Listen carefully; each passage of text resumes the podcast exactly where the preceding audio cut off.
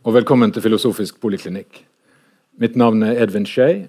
Jeg er allmennlege, professor på universitetet og har ledet denne poliklinikken siden første møte i 1998. Uh, noen innvendinger? Nei.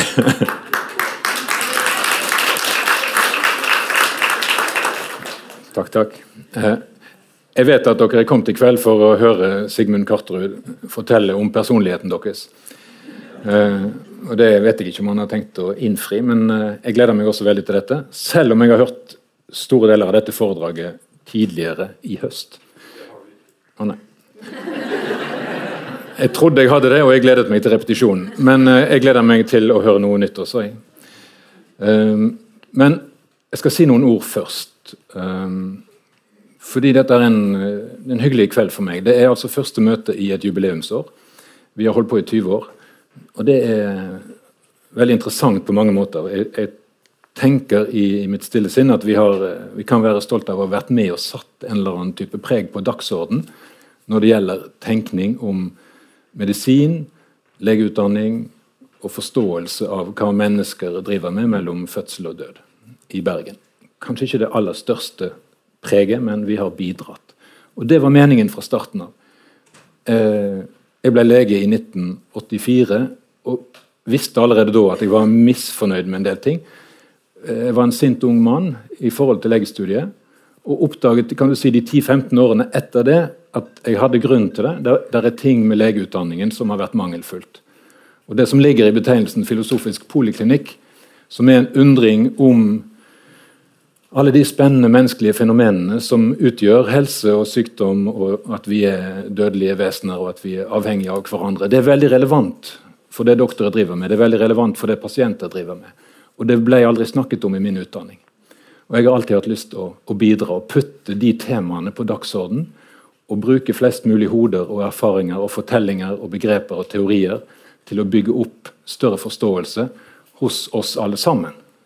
Særlig kanskje hos hjelpende, men eh, det er jo eh, Når en tenker seg om, ikke mindre viktig at, eh, at det er en stor forståelse av menneskelighet hos alle som eh, tar del i dette samfunnet. Um, så det er den ene tingen. og Da er det jo fantastisk å, å begynne dette her. Begynne jubileumsåret, begynne denne nye serien vår, eh, som skal gå gjennom hele 2018 under paraplyen følelser og helse og begynner med et utsolgt hus. Eh, det er oppmuntrende, inspirerende og skaper begeistring og entusiasme hos oss som lager dette til. Eh, at vi har valgt en sånn paraply, eh, følelser, i, i jubileumsåret, er på ingen måte tilfeldig. og Jeg kan i fall lett spore det tilbake igjen til mitt, den opprinnelige gloen av frustrasjon som jeg da hadde da jeg var sint ung mann. Uh, fordi jeg har ant alltid, tror jeg, at det vi, har, det vi kaller følelser, er et flott instrument som vi mennesker er helt avhengige av for å ta oss frem i tilværelsen. Og Det vet jeg at Sigmund kommer til å snakke om, selv om han sa et eller annet i høst som han nå skal si noe annet enn. Eh, følelser er fantastisk viktige. Vi må ta det på alvor. Vi må sette oss inn i hva det, eh, hva det byr på av muligheter for å leve klokere enn om vi ignorerer det eller har tabu på det eller ser på det som mindreverdig eller svakt. Eller sentimentalt. Det er en haug med historier i vestlig modernitet som prøver å skyve de følelsene ut istedenfor å ta de inn og gjøre de til et verktøy for å leve godt. Og Medisinen er veldig skyldig i dette. her. Eh, og Kanskje til og med Akademiet utenfor medisinen er ganske skyldig i en form for rasjonalisme, altså en overdreven vektlegging av det som eh, kan argumenteres for å sies i klartekst. Veldig mye av det spennende med følelser foregår som taus kunnen og tause vurderinger som ikke kan oversettes i språk så veldig lett, fordi det er altfor komplekst og tar hensyn til altfor mye på en gang. Um, og jeg tenker at eh, Nå som jeg er professor og har med studenter å gjøre, så driver jeg med forskjellige ting som eh, jeg gjør fordi jeg ønsker at de skal bli fortrolig med vanskelige følelser som ligger i vårt fag. Vi kommer tett Vi kommer ganske langt innenfor andre folks intimsfære. Vi kommer godt utenfor vår egen komfortsone. Eh, vi møter andres eh, dødelighet og forfall og lidelse og smerte på en måte som får vår egen kropp til å ringe med. Det kan gjøre vondt. Og vi blir minnet på at vi sjøl er også på vei dit. Så dette faget vårt er mettet med situasjoner som vekker sterke følelser. Eh, og vi er ganske avhengige av, for å være gode hjelpere, å forstå det når et menneske som rammes av sykdom og motgang, trenger forståelse, trenger trøst. Jeg skal snakke om to følelsesord, og trøst er det ene. I Hippokrates gamle regel for doktoren så sier han for 2500 år siden en lege skal iblant helbrede, ofte lindre, alltid trøste. Å trøste er å arbeide med å hjelpe det andre mennesket med en følelsesmessig tilgang. Trøsting er å gjøre noe med relasjonen som gjør at en, et problem du ikke kan fikse, et problem du ikke kan ta vekk, f.eks. at vi er dødelige og sårbare, at det kan en leve med på en bedre måte. Det er trøst. Det skal doktorer alltid gjøre. Og det går jo ikke vekk fordi om vi har en moderne teknologi som skifter ut hofter og hjerter og redder folk fra kreft. For de skal jo dø før eller siden, de også. Og vi har veldig mange mennesker som lever med eh, en kronisk problematikk som gjør at det er en forsakelse i hverdagen som det kan være godt å bli møtt med mm, på en trøstende måte av en profesjonell hjelper. Så Det er et stort tema i medisinen, og det er usynliggjort. Selv om våre greske forfedre hadde det øverst på sin dagsorden. De kunne til gjengjeld ikke gjøre noe særlig annet. Eh, de kunne operere ut blæresteiner, og de klarte å ta ut eh, blod fra krigernes eh, knuste skaller og få det til å gro igjen etterpå. Det kan vi se av skjelettene. Så de kunne en del ting. Det var det ene følelsesordet. Det andre følelsesordet er skam. Det er jo en populær TV-serie på NRK som har plukket det opp. Det jeg skulle si om skam, er at uh, um, Det er, kan det fortelles mange historier om. Jeg tenker nok at skam er det viktigste menneskelige fenomenet som gjør oss siviliserte. Skam er veldig viktig og bra for å holde mennesker på plass, sånn at de oppfører seg. I metoo-tiden så ser vi litt altså Vi har i dag en, en samtale gående om, om brudd på uh, fornuftige normer for hva som er bra og ikke så bra. Sant? Men skam er en type følelse som får enkelte av oss til å ikke tafse på damene. Kanskje ikke fordi vi ikke har lyst, men fordi vi tenker nei, det vil jeg ikke gjøre. Uh, så skam er en sivilisasjonsopprettholdende følelse. Men det som vi har lett for å tro, iallfall jeg trodde helt til jeg begynte å lese om det, om det fenomenet, der, det er at det er en slags konstant, at følelser er konstanter i tiden. Dette er også en liten serv til deg, Sigmund. Uh, for jeg tror du vet mye om det. At uh, følelser, noen av følelsene våre, noen er forankret i genene, og de bobler opp når vi blir sint og glad. Mens andre mer avanserte sosiale følelser, som skam, er veldig formet av kultur og historiske betingelser. En, en sosiolog som het Norbert Elias, skrev en veldig fantastisk doktoravhandling om skam. Skammens idéhistorie. Og Det han fant ut ved å gå til uh, litterære og historiske tekster, er at skam var et, et ytre fenomen på den tiden hvor folk ble satt i gapestokk og fikk kastet råtne egg i ansiktet og ble spyttet på osv. Skam var en straff som ble påført av en ytre autoritet. 15-, 16-, 1700-tallet så begynte det der å forandre seg. Opplysningstid, masse andre strømninger og nye ideer og nye, nye normer for hvordan et menneske skulle være. Uh, tidlig første del av 1800-tallet så finner han i litteraturen at du begynner å få masse tekster om at mødre må passe på at uh, barnene ikke snakker om seksualitet. Uh, at Eh, onani, masturbasjon og den type ting blir tabuisert. Det blir noe en skal snakke med legen om.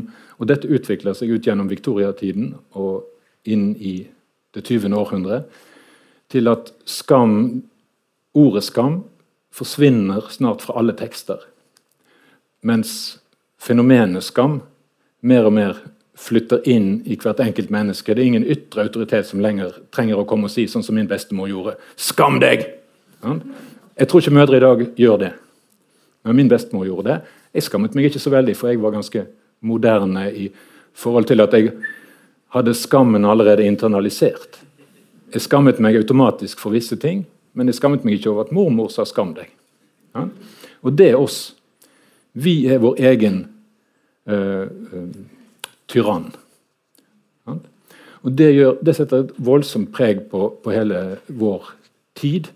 At vi føler hva vi kan og ikke kan. Derfor går vi til dels veldig i takt. Derfor er det veldig mange medisinstudenter som er utrolig opptatt av hvordan de blir sett av andre, fordi det er skammelig å bli sett med for kort hår eller for tjukke hofter eller whatever. Sant? Masse masse normbrudd som man bare vet følelsesmessig at en ikke kan leve med. Det er skammelig. Og skam handler om å bli utstøtt fra flokken og ikke være god nok, miste verdi. En veldig essensiell følelse som også står midt i en eller annen form for idéhistorisk prosess. Vi skal snakke om følelser på mange forskjellige måter gjennom det jubileumsåret her, 2018. Eh, og jeg kan også si at vi skal ha en stort jubileumsseminar i universitetets aula 15.9. Og da er dere også invitert. Og Mer reklame for de neste møtene kommer etter at Sigmund Karterud har sagt sitt. Nå må du komme frem. Um, Professor i psykiatri, har jobbet med personlighet og følelser og menneske, menneskelig liv og relasjoner og samliv siden tidlig 70-tall, tror jeg. Mm. Ja. Skrevet en rekke bøker uh, og er egentlig en uh, gigant i norsk akademisk psykiatri. Vær så god. Mm -hmm. Takk for det.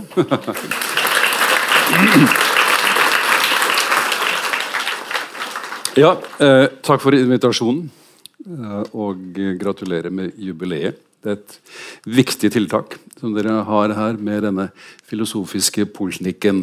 Og I anledning da denne filosofiske poliklinikken så har jeg tenkt eh, da å, være, å ta opp et av de virkelig store filosofiske problemene som har med selvbevissthet å gjøre. Hvordan kommer selvbevissthet uh, i stand? Og en sentral ting i det jeg skal si, at jeg har veldig mye med følelser å gjøre. Men på hvilken, eh, hvilken måte?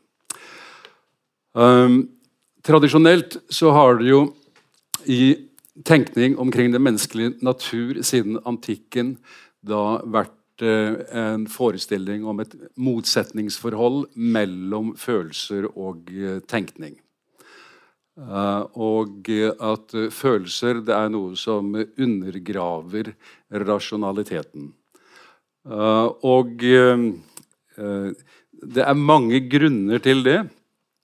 Og ikke minst den allmenne erfaringen som nok har vært der fra tidenes morgen, i at når man blir sterkt følelsesmessig aktivert, så går det ut over tenkningen. Det er vanskelig å tenke klart eh, når vi er i følelsesmessig eh, opprørt eh, tilstand.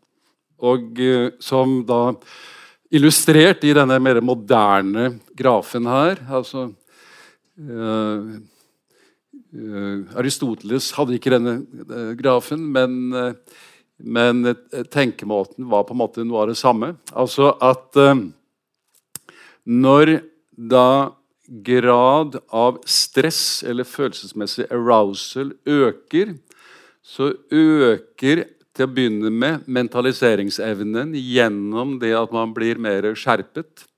Man tenker klarere inntil man når et aktiveringsnivå hvor den begynner å falle, og det foreligger en slags bryter et eller annet sted, så blir vi opprørt nok, så aktiverer det da såkalte prementaliserende måter å tenke på. Altså primitive måter eh, å tenke på. Hvor vi begynner å skjelle ut hverandre og stemple hverandre og tenke i eh, svart-hvitt. Og vi mister denne evnen til å tenke på en måte hvor følelsene influerer på vår tenkning, slik at tenkningen blir mer sofistikert. Vi går over til primitiv tenkning og begynner å krige med hverandre. Eh, så slik sett så er det et motsetningsforhold mellom tenkning, eh, tenkning og følelser. Men følelser de har da opp gjennom historien gjerne blitt oppfatta som noe dyrisk. Og det er det jo også vitterlig. I og med at uh, dyr har følelser på samme måte som vi har. Og uh, følelser går forut for, uh, for tenkning. Um, og at følelser da innebærer noe mer primitivt. men derved da også det at følelser er noe som bør bekjempes. og i i da i opposisjon til dette synet på et motsetningsforhold mellom følelser og uh, tenkning, så har vi da en rekke sentrale forfattere i moderne tid, spesielt Antonio Damasio, uh, som uh, har med sin kritikk av Descartes omkring den overdrevne rasjonalitet og som, eh, en, eh, og som argumenterer for en tilnærming eh, til Spinoza. Her har vi Damasios bok om Descartes' feil, om 'Emotional Reason and the Human Brain'. Det er mange forfattere etter hvert som da har forsøkt å modifisere og komme til erkjennelse av et mer komplekst forhold mellom følelser og tenkning. Eh, den viktigste, etter min mening, det er da Jack Pangsepp, med, som eh, i 1998 har denne som et gjennombrudd, Effective Neuroscience, The Foundations of Human and Animal Emotions. Eh, jeg lener meg mye på Pangsepp og bruker, bruker han nå litt videre her. For de som synes at dette er veldig interessant, gå til siste store verk av Pangsep i 2012, 'The Archaeology of Mind'. Neuroevolutionary Origins of Human Emotions.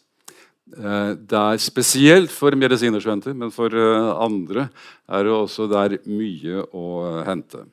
Her har vi et bilde av Pangsep. Som dere ser, døde han i fjor, på vårparten.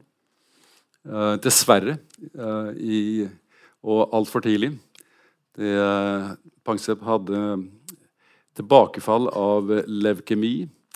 Det som skiller Pangsep fra Damasio, det er at Damasio var nevrolog eh, og utviklet sin teori om hjerne, bevissthet og følelser, og hva består sammenhengene i på basis da av nevrologiske kasus. Uh, Pangsep var en dyreeksperimentell forsker. Og uh, spesielt glad var han i rotter. Uh, og han er spesielt kjent for studier som synes å vise at, at rotter ler når de blir lekt med.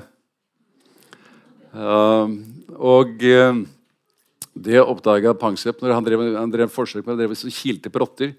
Uh, og så tok de lydopptak, uh, og det var ingen som hørte noe. Men, men da i, på frekvenser som vårt øre vanligvis ikke fatter, så fant de noen bølger som viste at, at rottene ga fra seg lydsignaler som andre rotter oppfatter, men ikke det menneskelige øret. Pangsep mener at rotter ler.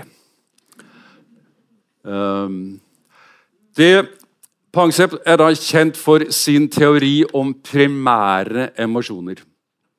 Som går forut for sosiale emosjoner, som du var inne på, bl.a. skam. Det er teorien om primære emosjoner er forsøkt imøtegått særlig av Lisa Barrett. 'How Emotions Are Made'. Jeg vet ikke om noen av dere har lest da Lisa Barrett, men eh, etter min mening den, den har da fått et visst oppslag. Eh, og jeg har gjennomgått den ganske grundig, men mener at dette er helt feilslått kritikk av primære emosjoner, bare så det er sagt. Så hovedtesen som jeg nå da skal gå gjennom, det er det at følelser er en forutsetning for tenkning. Altså da å sette dette opprinnelige motsetningsforholdet på hodet. Følelser er en forutsetning for tenkning. Og i mer banal forstand så kan man jo si at det er tilfellet fordi følelser opptrer i naturen tidligere enn tenkning. Så evolusjonsmessig sett uh, så er det dyr som først begynner å føle, og så etterpå, tenk, og så etterpå begynner mennesker å tenke. Altså, Noen dyr tenker jo også, det, men de tenker ikke på en måte som, er, som da er språkbasert, og som da danner grunnlag for selvbevissthet. Og Det er det som er den avgjørende forskjellen. Så i mer sofistikert forstand så dreier det seg om at det da er en teoretisk, empirisk sammenheng som det kan redegjøres for. Altså På hvilken måte er det at følelser er en forutsetning for, eh, for tenkning? Og Personlighetsteori det er da nøkkelen til å forstå denne sammenhengen. I det tenkning og følelser er grunnleggende egenskaper ved personligheten. og Det har jeg da skrevet en uh, bok om. Uh, og jeg skal nå da gjennomgå litt av det jeg skriver, skriver her. Jeg skrev det meste om dette her i denne i denne boka, men legger hovedvekten da på forholdet mellom primære emosjoner og tenkning, eh, mentalisering, selvbevissthet. Jeg kommer til å hoppe en del over eh, tilknytning. Det, eh, og vise da hvordan dette teoretisk og empirisk henger, eh, henger sammen. Det, så Uh, og la meg nå bare legge til at i og med at vi nå har et evolusjonært perspektiv, uh, så vil da disse personlighetskomponentene som vi snakker om, de, de har vi fordi de har en overlevelsesverdi. Hvorfor har vi emosjoner? Jo, vi har emosjoner fordi vi gjennom det kan vurdere hvorvidt andre er farlige eller ei. F.eks. gjennom fryktreaksjonen. Hvorfor har vi tilknytning? Jo, vi har tilknytning fordi gjennom det kan vi få hjelp av andre. Hvorfor har vi evne til mentalisering? Altså Dvs. Si sosial kognisjon, sosial tenkning. Tenkning om det indre jo, vi har det for å kunne samarbeide mer sofistikert med andre. Så da litt om eh, temperament, som altså da er det overordnede, hvor da primære emosjoner utgjør den viktigste komponenten av temperament. Altså Når vi snakker om vanligvis om temperament i, eh, da, i dagligspråket, så, så mener vi stort sett følelser. Det, det, finnes en del andre komponenter også, men det er det det stort sett uh, dreier seg uh, om. Hvor sensitive er vi? Hvor intenst reagerer vi på visse følelsesmessige stimuli? Og hvordan klarer vi å regulere følelsene? Det er det det stort sett handler om. Og da rett da på Eh, definisjonen av emosjoner og følelser, og hva er forholdet mellom de. Emosjoner det er kroppens fysiologiske reaksjon på følelsesrelevante stimuli, eksternt eller internt. Det er når jeg reagerer på noe som skjer i den ytre verden, eller når jeg reagerer på et minne som dukker opp i den indre, indre verden, da vil, da vil, organismen bli aktivert. Men denne, denne aktiveringen som organ, organismen da blir gjenstand for, den trenger ikke å nå opp til min bevissthet i form av følelsesbevissthet. Så jeg kan godt være emosjonelt aktivert uten å kjenne eller vite hvilken følelse det er som, hvilken emosjon som har aktivert meg. Og det er jo det psykologene lever av. Det det er, og som du nevnte innledningsvis. Det er da uh, så, Og det er jo det som noe av det som kjennetegner Homo sapiens. Dette at vi er i stand til å undertrykke, benekte våre følelser. Vi er i stand til å lure oss selv, og vi er i stand til å lure andre.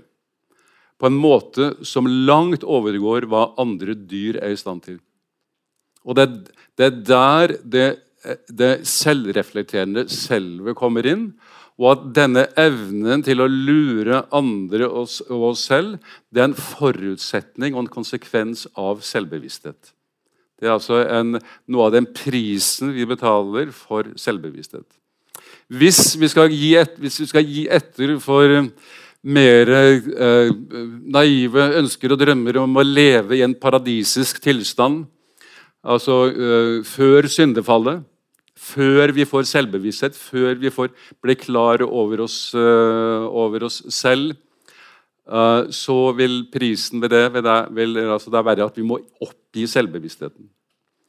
Det, uh, så dette Vi må oppgi paradiset for å bli klar over oss selv, og gjennom det bygge en sivilisasjon. Så følelsene det er altså den bevisste opplevelsen av å være emosjonelt aktivert. Og primære emosjoner det, Med det mener vi da emosjoner som er til stede hos uh, alle pattedyr. Og Det viktigste her det er altså da at uh, emosjoner, i tillegg til da å være en subjektiv opplevelse som jeg, vi har, så er det også handlingsprogrammer. Det er noe som, som setter hele organismen i et handlingsberedskap. Uh, og det er kommunikativ, dermed er det også kommunikative signaler. Og Det er det som er spesielt viktig når det gjelder da tolkning av andre og seg selv.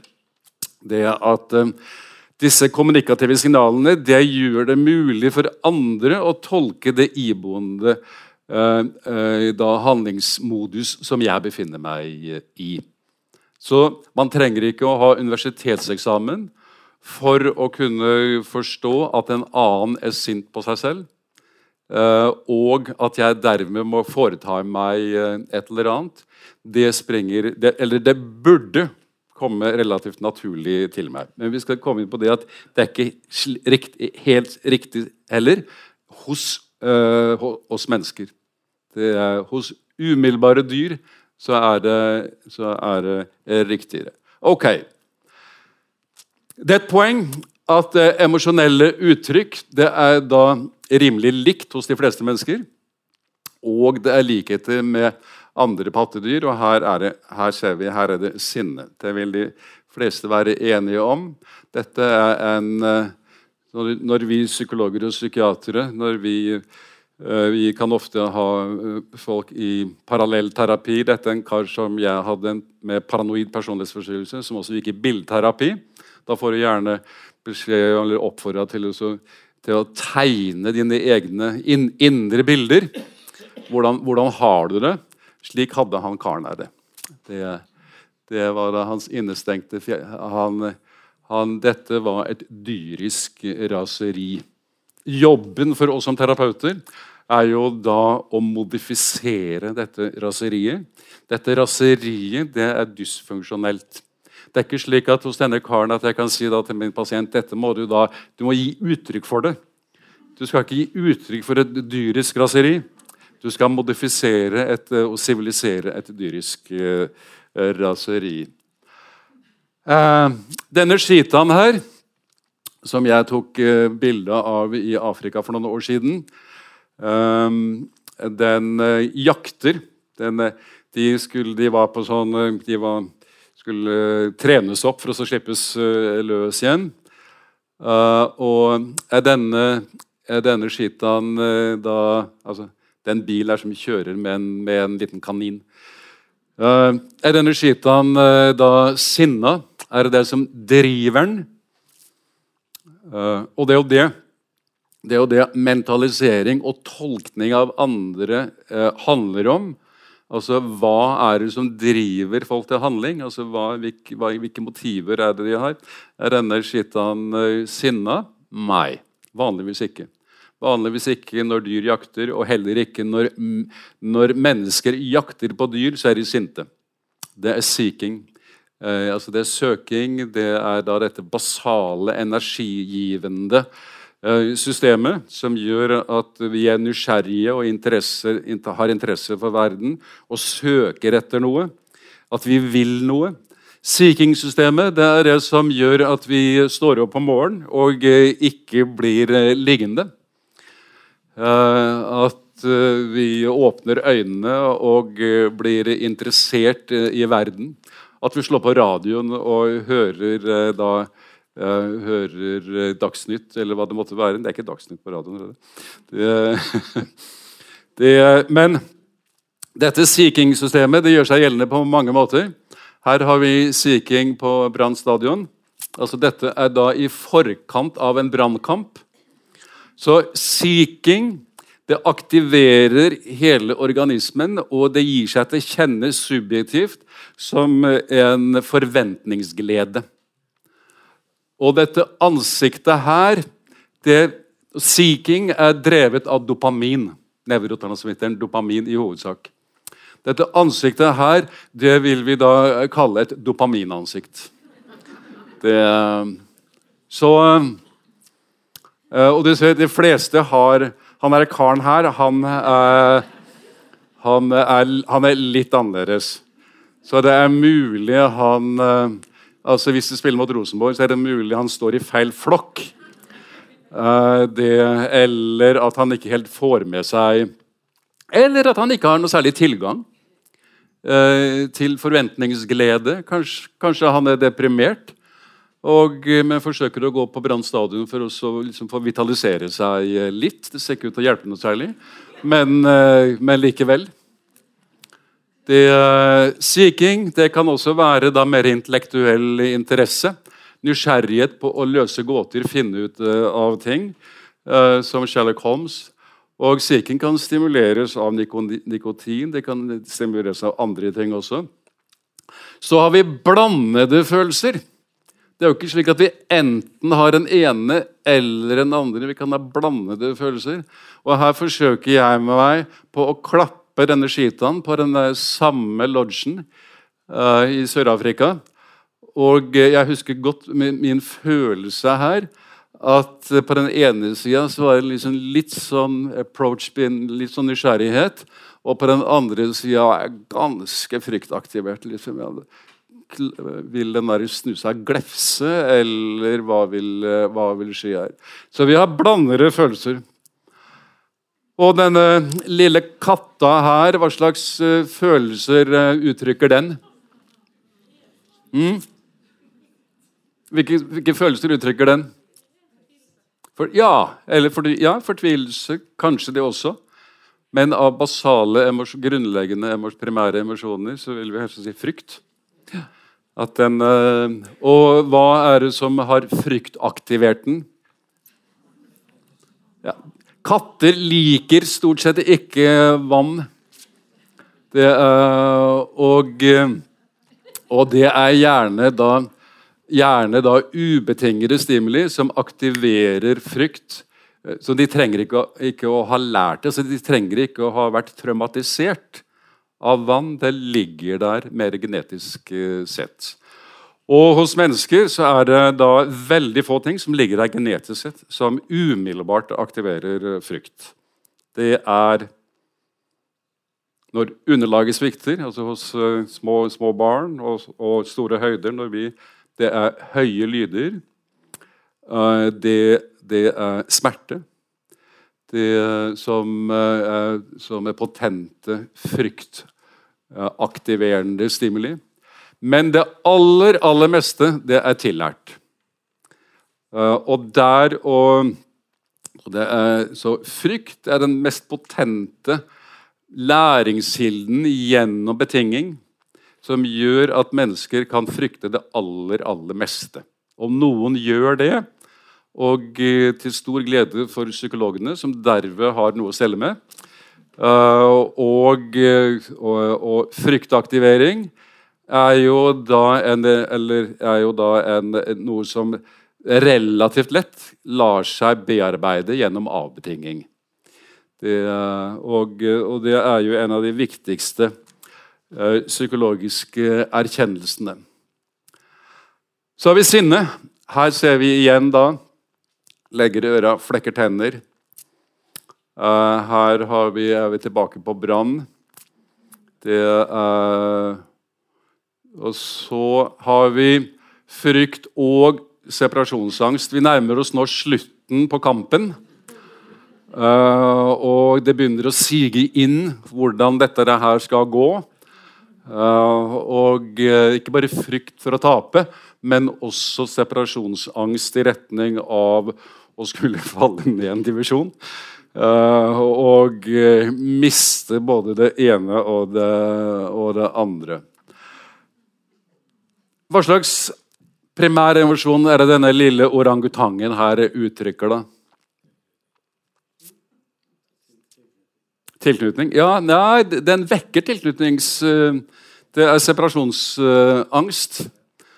Og hvordan, eh, se, hvordan, kan vi si det? Hva er, det grunnlagt på at vi ser at dette her, denne indre mentale tilstanden som vedkommende er i, den kan vi kalle separasjonsdistress? Det, eh, vi kan se det dels litt på utseendet, og vi ser kanskje her at han trøster seg litt. Apropos ditt utsagn om trøst. Dette er selvtrøst med en slags sånn sutteklutaktig Men vi, vi, tar det også på da vår motoverføring. Altså hvilke følelser vekker dette i oss? Jo, det vekker gjerne omsorg. Altså Når vi får merker omsorg i oss selv, så er det fordi den andre da uttrykker enten frykt eller separasjonsangst.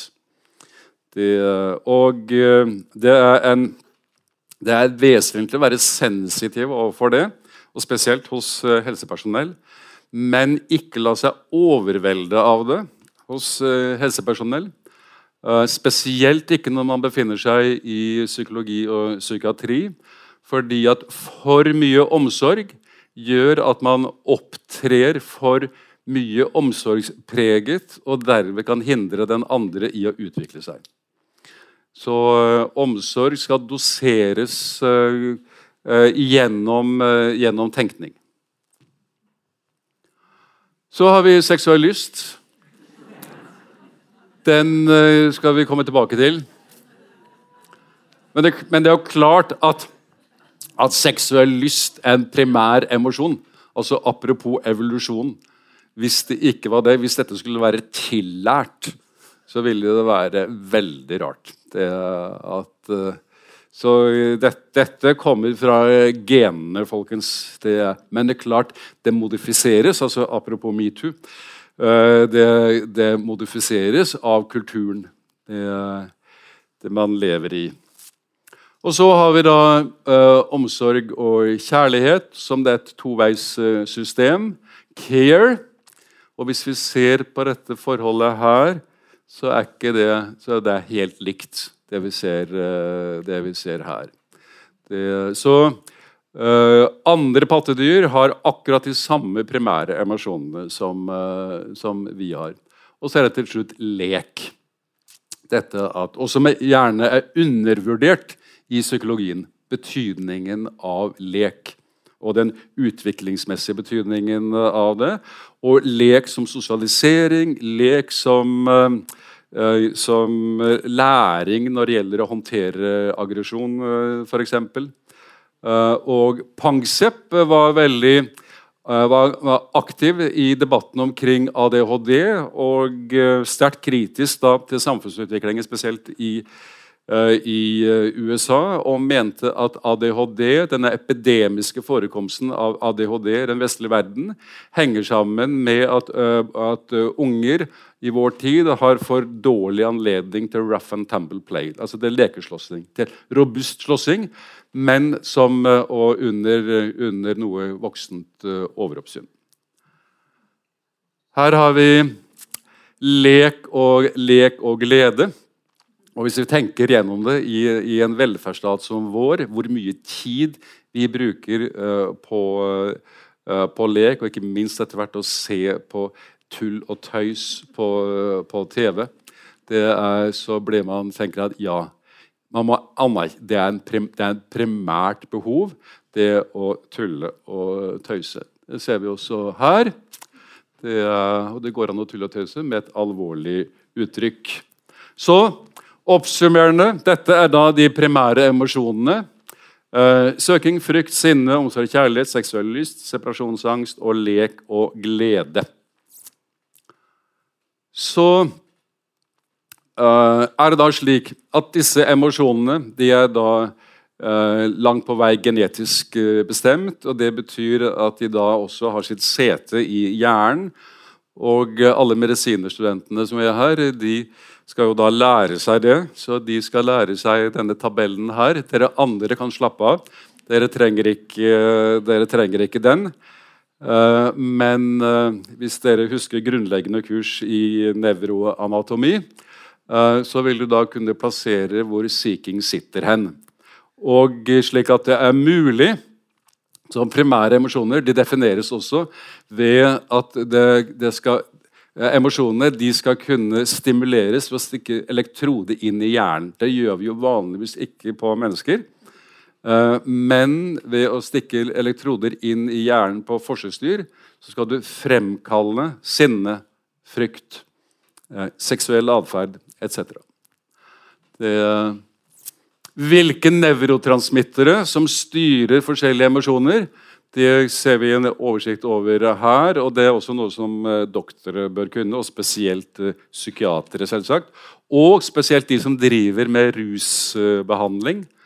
Uh, som, hva er det som skjer når man Altså Hvis du skal stimulere sykingssystemet ditt altså Det betyr at hvis du skal ut på byen, rave party, sex, drug and rock and roll hele natta da, da, skal du ta noe som stimulerer seeking-systemet ditt. Da skal du ta en, en, et dopaminstimulerende middel. Mens hvis du skal roe deg ned, så skal du ta noe helt uh, annet. selvsagt. Hvis du er fryktaktivert, så skal du ta benzodiazepiner, som uh, da demper glutamat. Eller uh, hvis du har mye separasjonsangst, og har vanskeligheter med å falle til ro innvendig, som mange antisosiale har, så skal du ta, så skal du ta heroin eller Subutex eller den slags uh, ting. Så har vi da de mer komplekse sosiale følelsene hos høyerestående sosiale dyr, som du, du nevnte. Og dette med at hvilke er det som er de primære, og hvilke er det som er mer sammensatte, det er det jo litt strid omkring. Altså, du nevnte skam. Uh, noen vil plassere skam som en primær uh, emosjon. Jeg Pangstad vil overhodet ikke være enig i det. og Pangstad mener at det forutsetter da en uh, form for selvrefleksjon. Det som du ikke finner hos, finner hos eh, hos eh, andre pattedyr. Selv om de som har bikkjer her, vil kanskje si at jo, bikkja mi eh, opp, har skamfølelse. Den, eh, når den har gjort noe gærent, eh, så oppfører den seg på en spesiell, eh, spesiell måte. Da sannsynligvis så er det mer en underkastelsesatferd som, eh, som den da, En skam i betydningen at man ser seg selv utenfra gjennom et strengt superego eller gjennom strenge sosiale uh, normer. Så uh, grådighet, misunnelse, sjalusi, hat, hevngjerrighet, skadelyst, etc. Det må vi se på uh, som kulturaliserte nyanseringer som spiller på primære emosjoner og tilknytning og sosial væren. Altså at uh, følelsene de har Følelseslivet, der er de primære emosjonene, de er grunnfarvene. Så kan de settes sammen, mikses, så, slik at man lager et maleri og krydres med sosiale erfaringer. Og derved oppstår da dette mer rike, nyanserte følelseslivet uh, som uh, vi har da i vår, mennesker i vår tid og i vår kultursfære. I min bok om personlighet så skriver jeg da mye om at individer de er veldig forskjellige med henblikk på temperament. Uh, og det handler da dels om at, de, at, vi er genetisk forskjellige. Dels om læring. Og når det gjelder følelser, så gir det seg uttrykk i forskjeller i affektbevissthet. Det er, det er, store forskjeller på mennesker når det gjelder uh, hvor mye, mye som skal til for å utløse visse følelser. Dette Kjenner man disse følelsene? Tolererer man disse følelsene innvendig? Og evner man å gi sosialt uttrykk uh, for dem? Og, uh, da, og, dette vil jo da gjerne være et tema når det gjelder, når det gjelder psykoterapi. Um, så er det slik at følelsene de inngår da på forskjellige måter når det gjelder forskjellige personlighetstyper.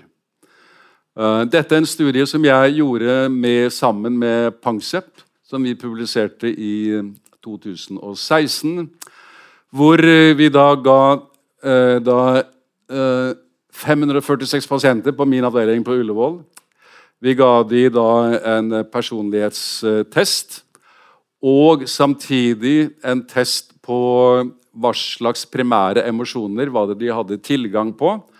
Og Tabellen her skal altså da leses slik at eh, f.eks. Uh, dess, dess flere narsissistiske trekk du har, dess mindre bryr du deg om andre mennesker. Altså dess lavere på care. Dess flere borderline-trekk du har, dess sintere blir du. Uh, dess flere unnvikende trekk du har, dess mer fryktsom uh, blir du. Uh, og og dess mer histrionisk, altså dess mer dramatiserende du er, dess mer, dess mer homoludens er du. Dess mer lekende er du. Uh, og som vi ser her Når det gjelder borderline, altså emosjonelt ustabil personlighetsforstyrrelse, så er det da særlig sinne og separasjonsdistress som er de følelsene som det er lav terskel for, og som utløses uh, fort. Og problemet med borderline-pasienter det er jo det at de tåler ikke å bli forlatt men at de da reagerer på forlatthet med sinne. Og som, som, er da noe av det som ligger til grunn for uttrykket 'I need you, but hate you'. Uh, og som er da dette tilsynelatende paradokset uh, om at man holder fast med, ved partnere som plager en. Når omgivelsen sier ja, men uh, leave him, Hvorfor forlater han ikke? Så er det da så Separasjonsangsten hindrer vedkommende i å gå fra den andre, selv om vedkommende er en plageånd, og selv om de har et mer slags sadomasochistisk eh, forhold. Det finnes andre temperamentsdimensjoner enn primære emosjoner, sosial rang og perfeksjonisme. men Det skal vi ikke gå inn på her. Eh, vi hopper over sosial rang, selv om det er jo eh, altså, Det er jo stor underholdningsverdi i sosial eh, rangatferd. For det er jo der narsissismen ligger. Og da kan vi jo tillate oss å spøke med Donald Trump og den slags ting. Uh, det, men det blir liggende litt utenfor det som er det sentrale, som har med tenkning å gjøre. Så Så er det da eh, Vi har nå altså tatt den, denne eh, dimensjonen om eh, følelser, primære emosjoner. Oppå der så kommer da tilknytning. Det at vi har prososialitet, altså positiv binding til andre mennesker. Uh, og som er grunnlaget for det vi kaller uh, objektrelasjoner. At vi da har et mønster i vår interpersonlige stil i forhold til andre, men som preges da av det som kalles uh, tilknytningsmønster. Det er betinget av oksytocin, og det er jo Bolby her som er den sentrale forfatteren. Og poenget her det er at uh, tilknytning det spiller på primære emosjoner som omsorg, separasjonsdistress og frykt. Det er da, det er da fryktsignaler og signaler om eh, separasjonsdistress fra barn som utløser omsorgsatferd fra foreldre, og som er grunnlaget for at det oppstår en positiv emosjonell binding. Uh, og uh, dette utvikles evolusjonært gjennom overgangen fra krypdyr til pattedyr. Og uh, tilknytning det har da en, en kraftig kjønnsforskjell ved seg, som har den naturlige forklaring i at at eh, pattedyrene har eh, en levetid eh, en, på vår klode i størrelsesorden 130-130 millioner år. Hvor da mødre har tatt seg av barna sine. Og hva med menn? Når begynte menn å ta seg av barna sine, Edvin? Ja, ja. Jeg trodde det var i 1968, ja, men det var. Nei, hva er det som skal til for at du har en tilknytningsatferd? Jo, uh, uh, genetisk sett uh, Altså, du må For at det skal være noe vits i, så må du vite at det er ditt avkom. Det er, barn, det er barnet ditt. Og hvordan, hvordan kan menn vite hvilke barn de har, hvis de uh, har promiskuøs atferd og hopper omkring? Er, så menn har ikke noen, uh, har ikke noe insentiv til å ta seg av uh, unger. Det er ikke noe, hvis de da tar seg av feil unger, så tar de seg av andres gener. Det, og da blir, det, da blir, det, bare tull. så Forutsetningen for at menn skal ta seg av uh, ungene sine, det er jo at det, uh, at det i hovedsak foreligger monogame forhold. Slik at du vet at, uh, at, de barna som partneren din får, de er dine. De deles av egne gener. Og når, når ble Homo sapiens monogame? Altså Homo sapiens har bare eksistert i 150 200 000 år, så det var litt før det. Men sannsynligvis så kommer monogamiet inn for ca. 800 000 år siden. Fra da av begynner menn å ta seg av uh, ungene sine.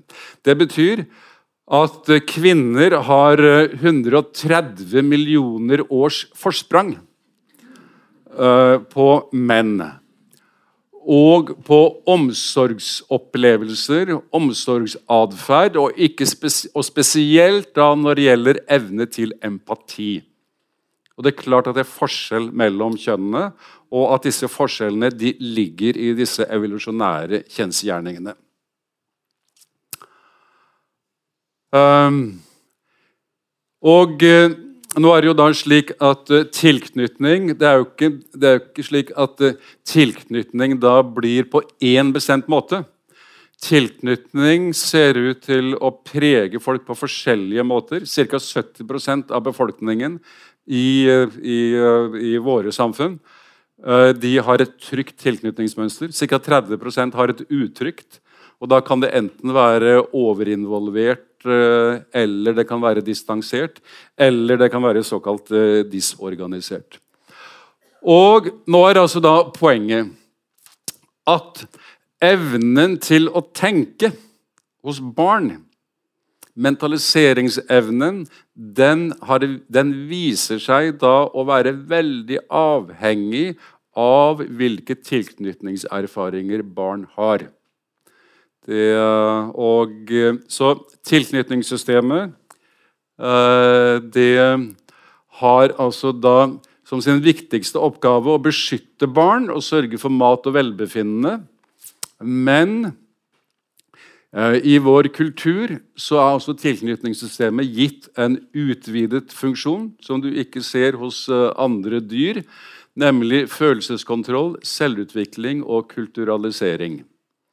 Og det er det som eh, vi da med slagord kan si krever 'minding a mind'. You have to be minded altså for å kunne tenke om, uh, om deg selv. Og det er der følelsene da kommer inn. Hvordan, hvordan er det man uh, blir såkalt minded?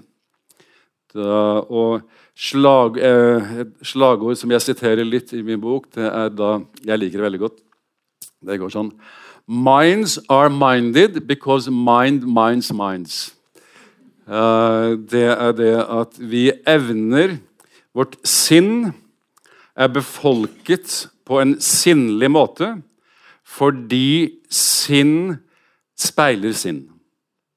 Og Det er det jeg skal nå da forsøke å vise litt uh, Kanskje vi bare får lov å peke på at uh, det du sier her, er at vi trenger tilknytning for å gjøre de gode tingene, som f.eks. et universitet driver. Ja. Seminar i pedagogikk. Ja. um, ja.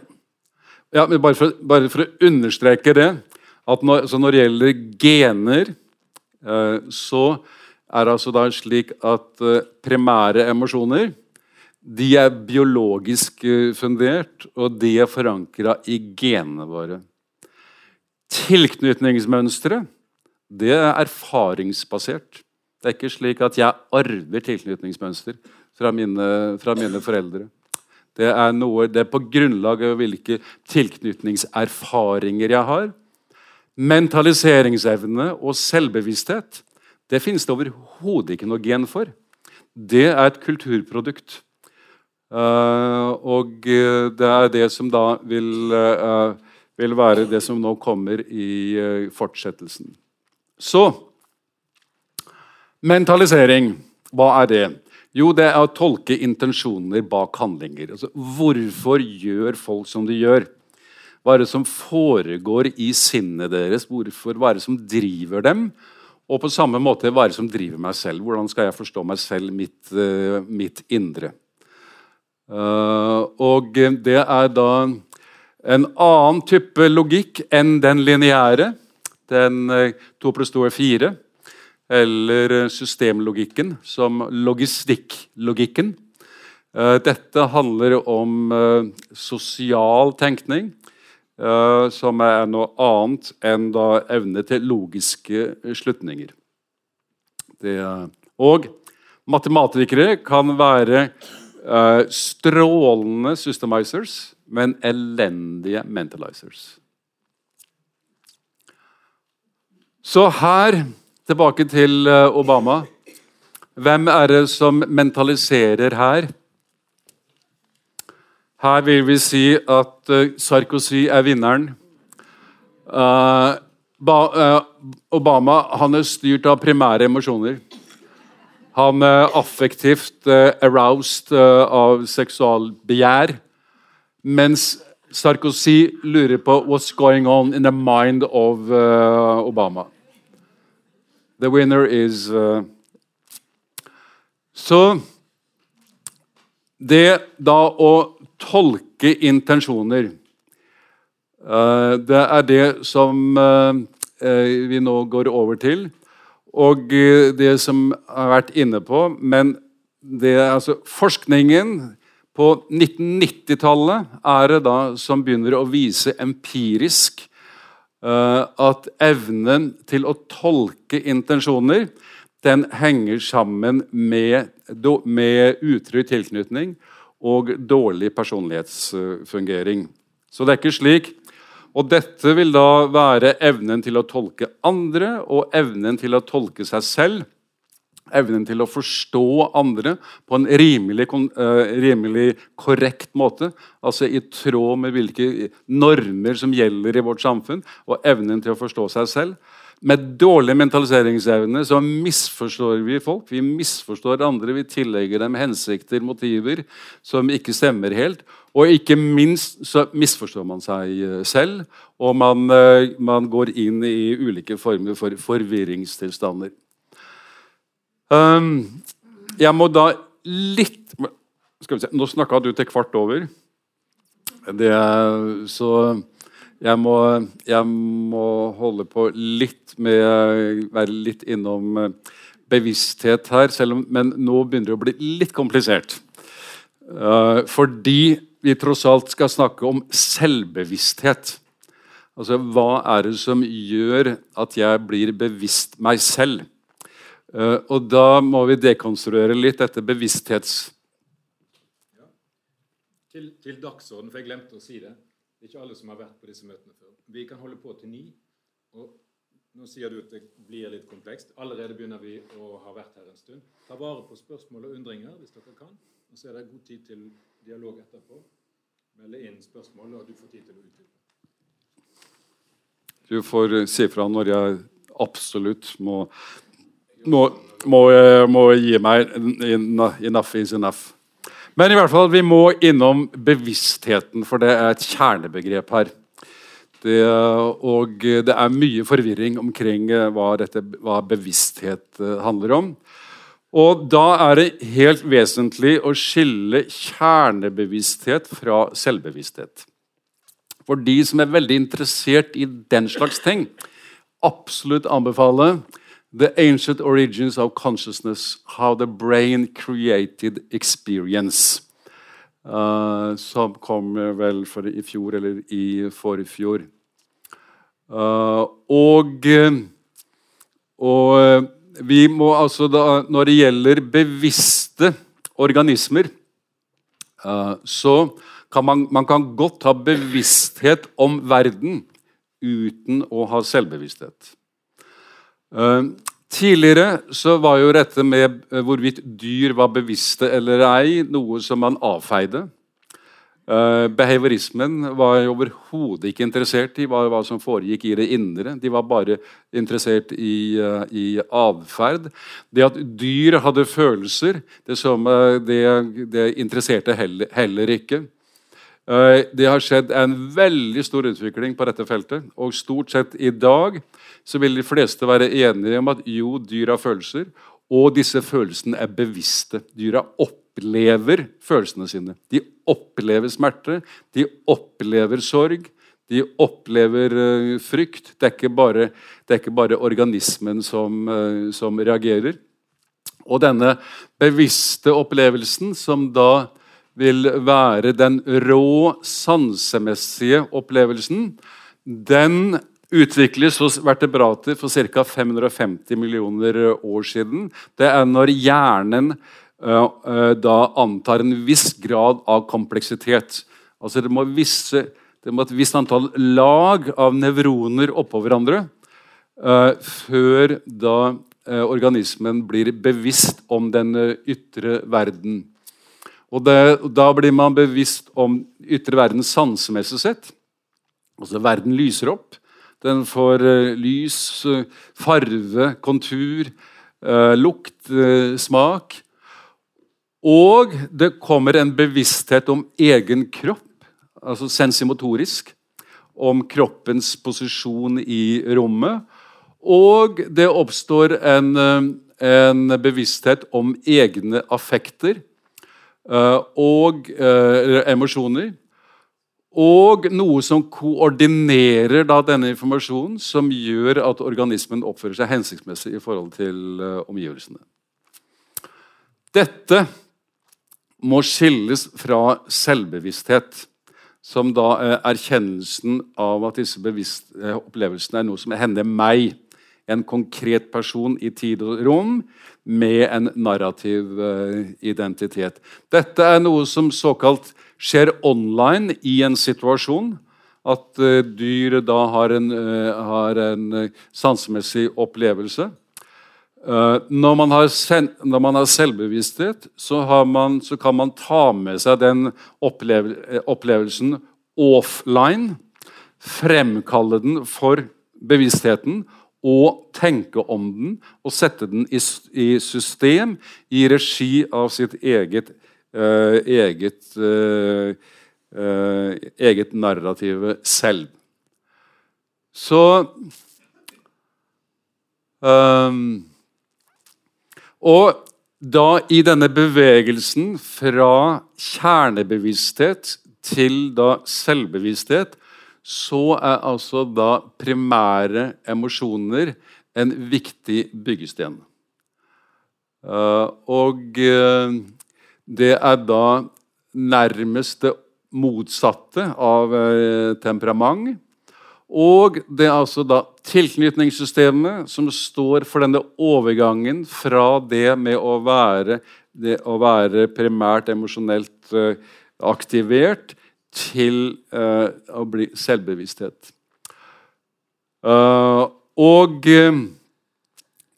det som man strir om i denne sammenheng, det er det at, at når jeg blir aktivert gjennom La oss si at jeg blir fryktaktivert Eh, dette er en opplevelse som skjer med meg, men hvordan vet jeg at det jeg opplever, heter frykt?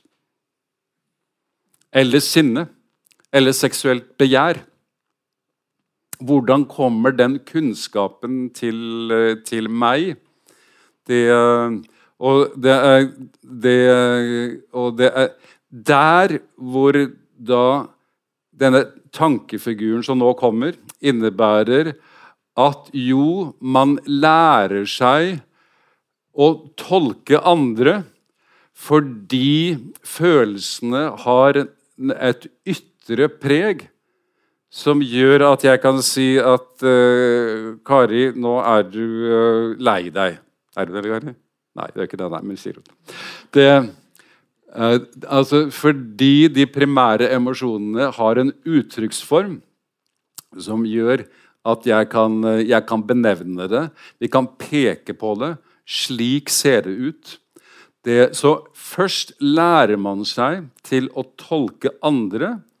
Deretter blir da den mentaliseringsevnen som ligger i det å kunne tolke andre, vendt mot seg selv. Eh, og, man, og anvendt på seg selv, så oppstår selvbevisstheten. At jeg er slik og slik. Eh, og det er der da følelsene har en sentral eh, betydning. Denne prosessen den går eh, eh, da gjennom eh, eh, hvor, I denne prosessen så har såkalt speiling en helt avgjørende rolle. og det henger sammen med at for at jeg da skal kunne reflektere noe om noe inni meg selv, så må det være noe der som det kan reflekteres over. Altså Det må være en representasjon. Og det er i dannelsen av representasjoner gjennom speiling fra andre at tolkningsevnen Eh, som er utviklet for å forstå andre, kan brukes på meg selv. Så skal jeg forsøke å illustrere det gjennom eh, en liten videosnitt. videosnutt. Altså Hvordan kan, kan jeg komme til forståelse av mine egne følelser? Uh, skal vi se uh, Da hopper vi over uh, Vi hopper over Eh, Men igjen til dere som er veldig interesserte. Eh, hvis dere skal ha en filosofisk begrunnelse for dette med å kunne tolke seg selv, gå til eh, Rekør og hans hovedverk, som er da et høydepunkt innenfor hermetikken, 'Oneself as Another'. Dette med å se seg selv utenfra som en, som en annen. Og, eh, men eh, nå til, eh, til dette med speiling. Speiling innebærer altså at Man blir bekreftet utenfra av en annen person, eh, som da gir da det eh, Da vår kulturs eh, opplevelse av ditt uttrykk, da mening og ord. Så Elin, når jeg ser på deg nå, så reagerer jeg da ut ifra hvordan hvordan uh, ikke bare jeg, men jeg som er representant for vår kultur, tenker om det du utstråler. Og Det gir jeg tilbake til deg, og det er, det er speiling. Gjennom det sosialiseres du, og du kommer til erkjennelse av deg selv. Det er Peter Fonagy, som da er en sentral skikkelse her, sier at uh, dette kan foregå på, uh, uh, på, forskjellige måter. Det kan foregå på en umarkert versus en markert måte. Mark den markerte måten Fonagy sier at hvis du skal speile f.eks. tristhet så Terapeuter de har tendens til å legge hodet litt, litt på sida. Sånn, og, sånn, og så er det litt sånn Mother Reece. Er, samtidig som det da markerer at, at, dette er meg, jeg reagerer på deg, og dette er vår, vår kulturs sunne reaksjon på din følelsesmessige tilstand. Dersom din tristhet aktiverer la oss si, et uforløst traume hos meg selv, så kan jeg bli overveldet av din, av din tristhet, og jeg kan begynne å hyle og skrike og få sammenbrudd selv hvor, hvorved jeg fjerner deg fra dine egne følelser, og det blir meg som voksen, mine problemer, som du belemres med, og som etterlater da en indre forvirring og ikke en representasjon som er avstemt i forhold til hva du opplever. Det vil da være ved umarkert eh, Her er da eh, spiller Fonagy da eh, fortvilet. Så hvordan ser nå dette ut når det gjelder eh, barns utvikling? Og her har vi da, har vi da disse, dette kjente eksperimentene med stillfeis, hvor de, eh, hvor de kommer inn, som sier noe om, om betydningen nå. Altså dette, dette handler nå om hvordan kjerneselvet konsolideres av den andre, slik at det oppstår da representasjoner som dette barnet her senere kan tenke omkring. Skal vi se.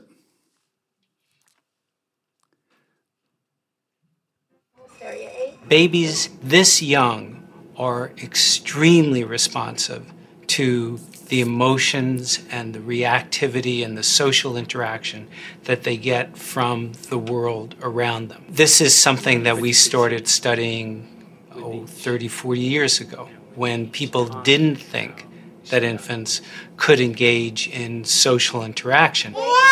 In the still face experiment, what the mother did was she sits down and she's playing with her baby who's about a year of age. I'm like a girl.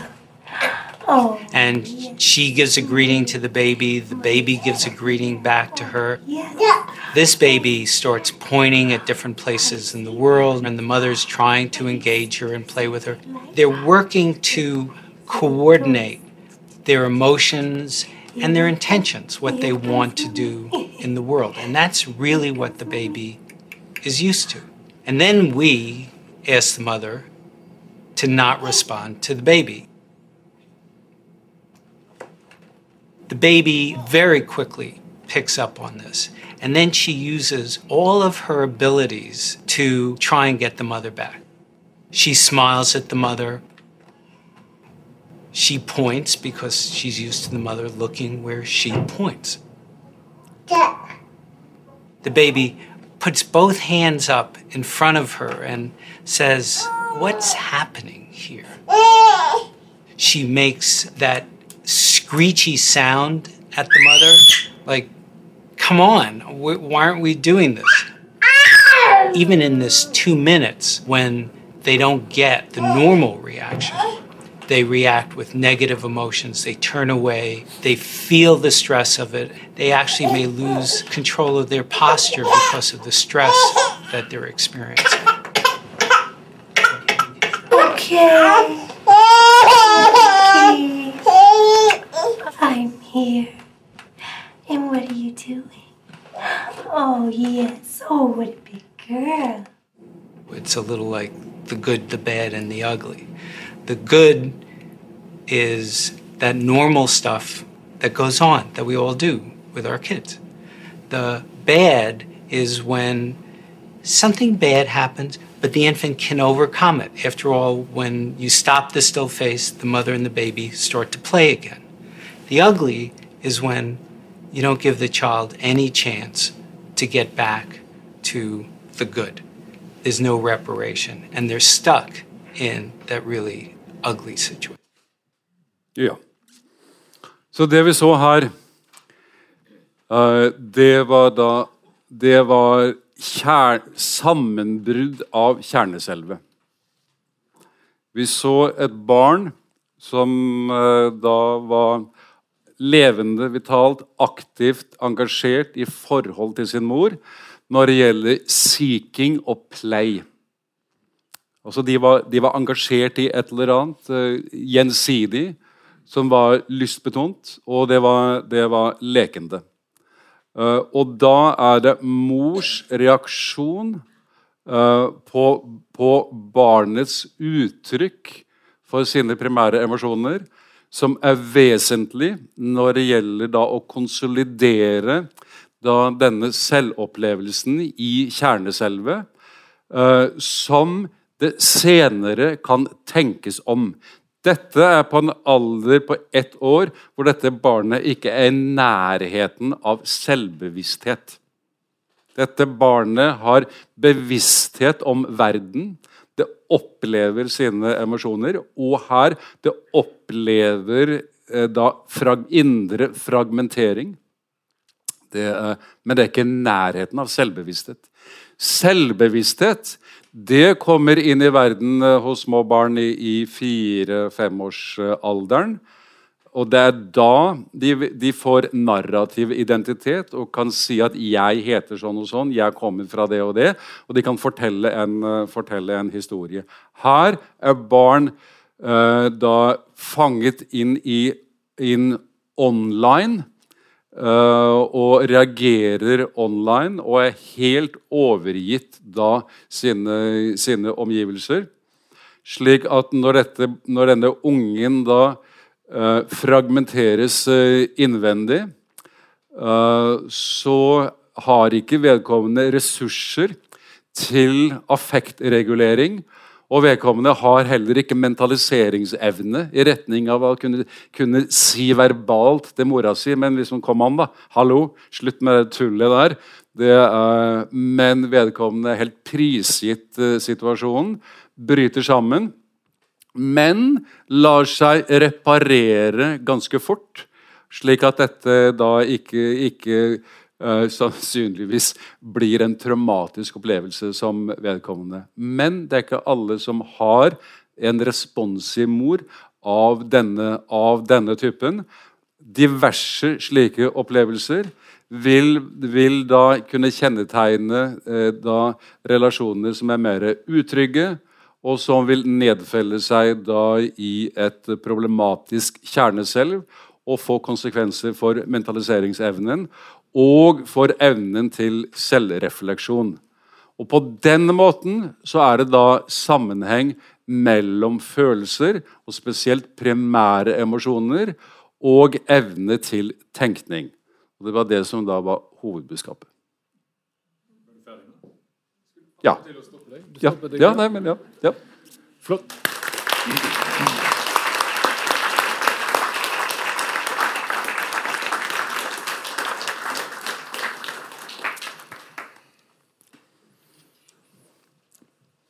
Det er ganske heavy stuff eh, og mange ting å tenke på. Um, og det er mange her som har tenkt og har lyst til å si ting. Jeg um, kan da advare om at vi har i, i kveld tre veldig greie medisinstudenter som er med og filmer Eh, vi gjør opptak, og vi tar opp lyden, og vi håper å kunne legge ut eh, disse møtene på vår stadig mer oppegående hjemmeside, Filosofisk poliklinikk. Så får dere vurdere om dere skal være flau og redd for å si noe, eller om dere bare skal drite i det og snakke likevel. Min vurdering er at ingen kommer til å bry seg.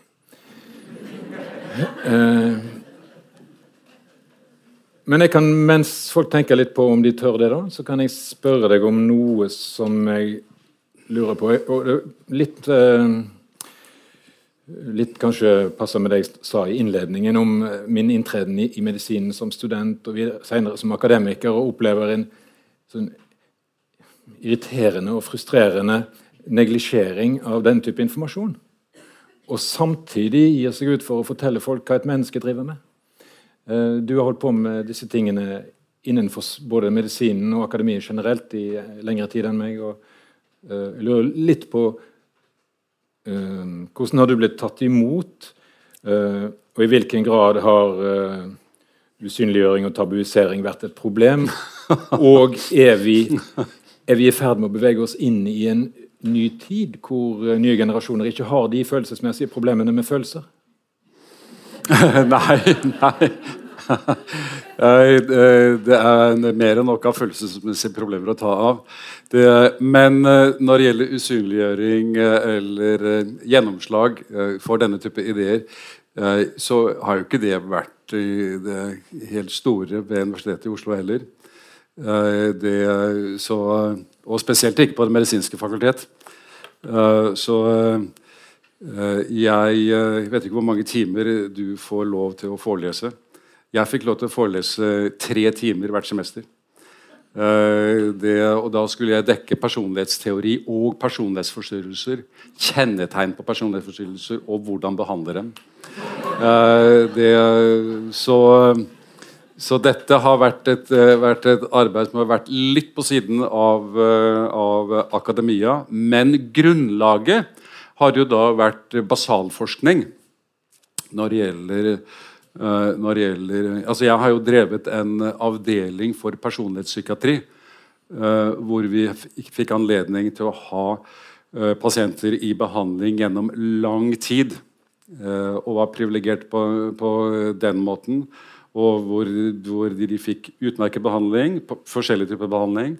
og gjennomgikk svære testbatterier slik at vi kunne drive mye, mye grunnlagsforskning. Og Det er jo det som da ligger, for, uh, ligger bak da, denne boka, er personlighetspsykiatri. Og den begynner jo nå å få gjennomslag. Altså som en litt annen type, uh, litt annen type psykiatri enn en, denne, denne diagnosepsykiatrien og denne reduksjonistiske psykiatrien, men at psykiatrien altså må bygge på en personlighetsteori. Det er men det har ikke bare vært jubel og, eh, og glede fra akademisk hold. Det har det, det, har det ikke vært. Det var det en ting til du sa som jeg skulle svare på? Nei, nei om, om, vi er i ferd med å gå mot uh, litt uh, lysere tider. Altså, føler, i, I befolkningen? Ja, i befolkningen. Blant studenter, f.eks. Også blant kolleger. Jeg syns det er mange flere som er interessert. Mye, mange færre som prøver seg med latterliggjøring og den type ting. Uh, og de står ikke sterkt lenger. Så kanskje det er noe som skjer med generasjonsskiftene? Ja, altså eh, eh, Doktere er jo eh, veldig interessert i personlighetsteori. Men det er jo også fordi at eh, altså Alle vet jo du. allmennleger som liksom mottar hele spekteret av folk i sin, i sin praksis. Og som virkelig får erfare hvor forskjellige folk er. Og det er jo det dette mye handler om, dette at vi er så innmari forskjellige. Det er Selv om vi ser liksom sånn rimelig like, like ut. Og da er det dette med å kunne, kunne eh, da ha systematisk kunnskap. Hva består disse forskjellene egentlig i? Og hvilke konsekvenser har de for sykdom? Og for sykdomsatferd, som også du er opptatt, uh, opptatt av. Som uh, gjør at det er klart at når når folk er veldig forskjellige når det gjelder fryktaktivering, eh, så vil de oppføre seg veldig forskjellig når, når de er syke. Noen går til doktor eh, fordi at de blir livredde. Det, uh, vi har en datter som, uh, som eh, nå jobber som uh, fastlege i eh, Berlevåg, er det. Og som ved, ved, middagsbordet i dag fortalte om en pasient som kom opp i Berlevåg, og som følte seg litt sjaber. Det, og Hanne ville da undersøke han. og ja, og så, hadde han noen greier her i panna. Uh, men, men det, liksom, det, måtte han ikke se på. Liksom, var, men han kunne undersøke liksom, og si nei, la meg nå se hva du har her i panna. Og så tar hun av det, og så har karen et svært et, et, svært krater i, uh, i panna. Uh, som til og med går utover bensubstansen. Uh, og som som da vitner om en kar som ikke løper til doktor for småtterier. da altså som han, han blir ikke fryktaktivert og kanskje også litt med tilknytningssystemet hans. Dette med at Hva gjør vi når vi, litt, når vi, blir litt, redde? Går vi, Oppsøker vi noen for å få hjelp, eller skal vi klare oss på egen hånd? Og Der er det jo stor forskjell mellom uh, kjønnene. da. At uh, Menn er jo liksom, de skal mer klare seg, klare seg sjæl. og det har jo sannsynligvis sammenheng med at menn har høyere selvmordsrate enn kvinner.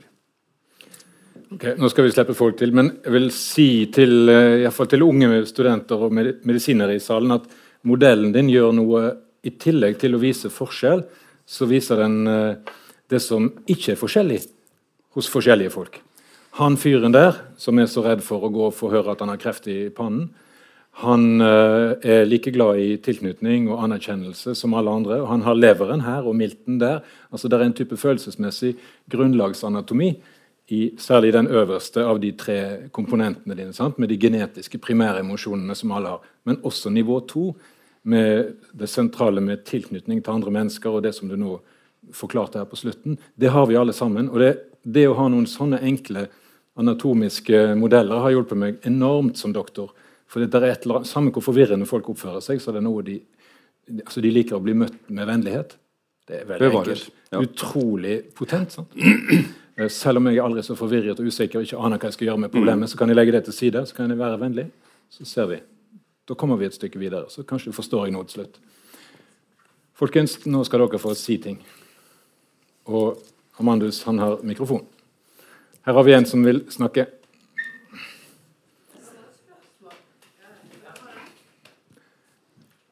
Det rommet her uh, trenger den mikrofonen, egentlig. Okay. Og så gjerne si hvem du er. Jeg heter Kjersti. Jeg, ja. hvis du har lyst til å si litt om, om, fagbakgrunn eller sånne ting, eller hva slags bakgrunn du nå snakker ut ifra, eller spør ut ifra, så er det en hjelp for oss. til å Ja, jeg kan jo si sykepleier. Jeg har tatt en doktorgrad, jeg har forsket på vold i nære relasjoner. Men det som jeg ville spørre deg om nå, det var det at jeg savnet eh, noen noe som jeg trodde var grunnleggende følelser. Og det er mulig at jeg er inni de andre begrepene dine. Men det var det rett og slett glede og sorg. Å oh, ja. ja. Eh, eh, fint at du spør, eller at du kommenterer det. Fordi ja. glede, det er, den, det er knytta til lek. Jaha. Det er da glede er den bevisste opplevelsen du har. Men det kan jo være glede uten lek? Ja da, det kan det. Ja. Men, men, når det gjelder primære emosjoner, så er glede den subjektive opplevelsen uh, som er knytta til, uh, til, lek. Sorg det er den subjektive opplevelsen av separasjonsangst. Separasjonsdistress. Okay. Altså Når du mister noe, så er, det, så er det sadness. Så er det sorg som er den subjektive opplevelsen. Så depresjoner ja. henger sammen med med separasjonsdistress. Ja. Det er da den patologiske separasjonsdistress. Du, liksom, du kommer aldri over den. Ja. Nei, det var bare Jeg savnet de ordene. Ja. ja. ja. men det, det, var fint at du uh... Ellers takk for spennende foredrag. Men altså, ellers dette med å bli møtt med vennlighet. Det minner meg om at uh, jeg ble jeg ble intervjua i dag av eh, Aftenposten om Donald Trump og hans narsissisme. Og Så jeg sa litt om det. da, og, om, om narsissistisk sårbarhet og krenkbarhet og slike ting. Og så spurte han meg intervjueren til slutt at ja Og i dag er det jo slik at Erna Solberg møter jo Donald Trump i Det hvite hus. Det, har du noen råd til Erna Solberg? og og, og jeg sa jeg, jeg, tror Erna Solberg klarer å håndtere Donald Trump uh, rikt, riktig godt. Hun er et uh, robust og vennlig menneske. Uh, og når du skal håndtere folk som har, har mye narsissisme, så må du, må du, først og fremst passe på at du ikke krenker dem. Det, du, må, du, må, legge inn det i den måten du, opplever, du opptrer overfor dem på. Og da, hvis du, har, hvis du har det litt, litt present, så, så, går, det, så går, møtet sannsynligvis eh, rim, rimelig bra. Og eh, Erna Solberg har en veldig lav krenkelsesfaktor. Jeg tror Erna Solberg håndterte eh, da Donald Trump rimelig bra. Skal vi se, da var det her først. Ja, Hei, jeg heter Therese. Og jeg er bare fordi jeg er interessert i oss som mennesker og høre om hva du skulle si.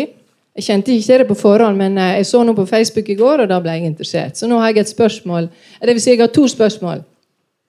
Eh, hun her borte snakker om at du, det var noe du ikke nevnte. Og jeg savner ordet kroppsspråk.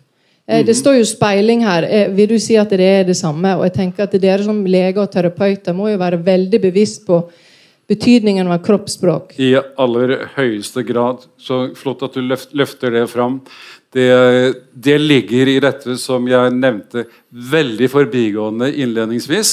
At primære, primære emosjoner det er kommunikative signaler.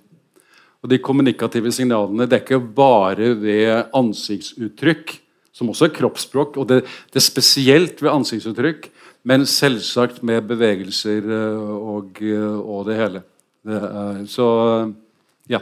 Jo, for jeg tenker på dere som Folk sier, altså Kroppen sier mye uten at du tør å si alle, det verbalt. I aller høyeste grad. Ja. Og du kan, eh, du kan, være ubevisst i forhold mm. til selv, i forhold til hva som skjer med deg, men signalisere noe hos andre som du ikke er klar over, og som andre opplever, og som da kan gi deg tilbake, som gjør at du kan komme til mer klarhet over deg selv. Ja. Mm.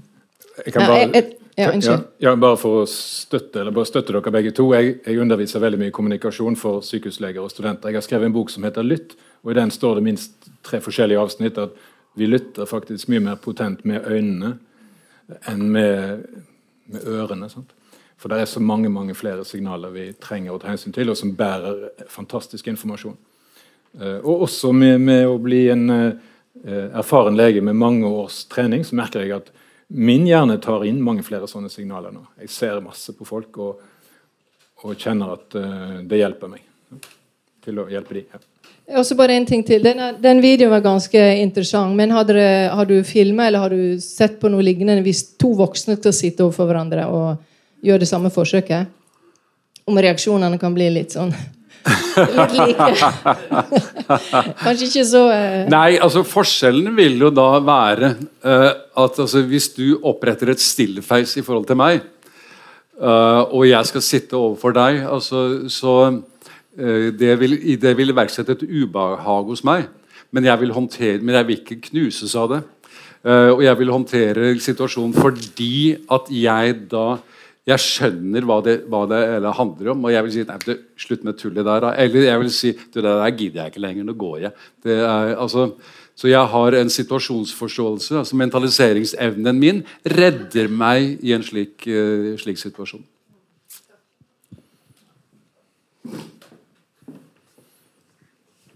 Hei, jeg heter Reidun Tjome. Jeg er farmasøyt. Eh, tusen takk for et veldig spennende foredrag. Jeg har veldig mange spørsmål, men jeg skal bare begrense meg. Um, I forbindelse med det som hun spurte om um, Når man har to stykker som speiler hverandre, man, her som man med barn, men i forlengelse av dette med to voksne Hva er det som gjør hvor balansen ligger? Hvem speiler hvem? Er det en sånn hårfin operasjon som går frem og tilbake hele tiden? Hva gjør at Det er vel litt, litt avhengig av hva situasjonen tilsier. Men ideelt sett mellom voksne mennesker, så vil det, vil det jo være en gjensidighet her. I retning av at, at jeg, jeg leser deg rimelig korrekt. Og svarer på deg på den måten, og så leser du meg slik at, eh, at det foregår et eller annet intersubjektivt. Og, vi, eh, og når, det, når det flyter, så tenker vi ikke over det heller. Da, da blir det en del av det vi kaller implisitt mentalisering. Mens eh, hvis jeg merker det at du begynner å bli mer interessert i Edvin enn meg, f.eks., og, vekke, og så vise oppmerksomheten hos ham, så vil jeg oppleve en, et snev av Separasjonsangst. separasjonsdistress. Og vil begynne å koble inn eksplisitt mentalisering. liksom Uh, Hallo, hva, er det som foregår? Hvorfor, hvorfor, gjør du som, uh, hvorfor gjør du som du gjør? Det, uh, ja. Helt annet spørsmål. Lek hos dyr og bevissthet og selvbevissthet. Um, vår kollega Eivind Mæland lærte meg om Gregory Bateson. Og han snakker om lek blant dyr, f.eks. Og den leken du ser når hvis en hund leker med en annen hund. Og det den da gjør, er at den, den viser signaler som vanligvis gir uttrykk for én emosjon, f.eks. sinne, knurring osv. Men i denne situasjonen så forstår begge de to det dreier seg om, at når jeg knurrer til deg nå, så er jeg ikke sint. Jeg bare later som jeg er sint. Ja. Og ikke det er ganske avansert form for selvbevissthet, eller bevissthet, iallfall i det jeg kan ta noe ja, jeg vet at Nei, ikke, ikke selvbevissthet, men, men det er en eh, Det er det er, avan, det er avansert, ja. Altså at de klarer at de klarer å oppføre seg på en sånn pretendish måte. Eh, men eh, leken Det er mange som vil, vil si det at denne leken er jo til for at de skal lære seg grensene for hva som er lek og virkelighet. Altså Hvis du begynner å bite for hardt, så blir det, så blir det virkelighet eh, av det. Altså Så, så eh, dyr skal lære seg hvordan Og det sannsynligvis henger det sammen med at dyr skal lære seg å slåss med andre gjennom å vise makt, og ikke, nødvendig, ikke nødvendigvis bite eller gjøre ting som ødelegger huden, eller hva det måtte være. Slik at, at, man, at man lærer seg til å gi seg når man skjønner at overmakten er for stor. Og at man ikke nødvendigvis må gjennom en slåsskamp hvor man får revet opp hele pelsen. Altså, du må, du må kunne vurdere da den og den andre viser av mange. Og så er det da så, så du må lære deg underkastelsesatferd. som da er nok en funksjon også da ved sånn rough and tumble play. Og det er jo interessant at uh, det også blant, uh, blant dyr, og spesielt blant primater Uh, Sjimpanser er dette, og eh, andre primater er dette studert relativt eh, inngående. At det viser seg at et visst antall apeunger i en flokk ikke lærer gjennom rough and tumble play. Altså De lærer seg ikke dette med det vil si at de oppfører seg mot andre apeunger på en måte hvor de ikke lærer seg de sosiale normene, og da blir de utstøtt av uh, flokken. De blir outsidere. Og uh, de, de, blir, de ligner litt da på sånn folk som vi vil kalle litt personlighetsforstyrra, i retning av at de er ikke, de, de er ikke sosialisert. Eh, de, eh, de, de, slåss for brutalt, de tar ikke hensyn. eh, Og, og det har noe med læring gjennom pretend play å gjøre, sannsynligvis.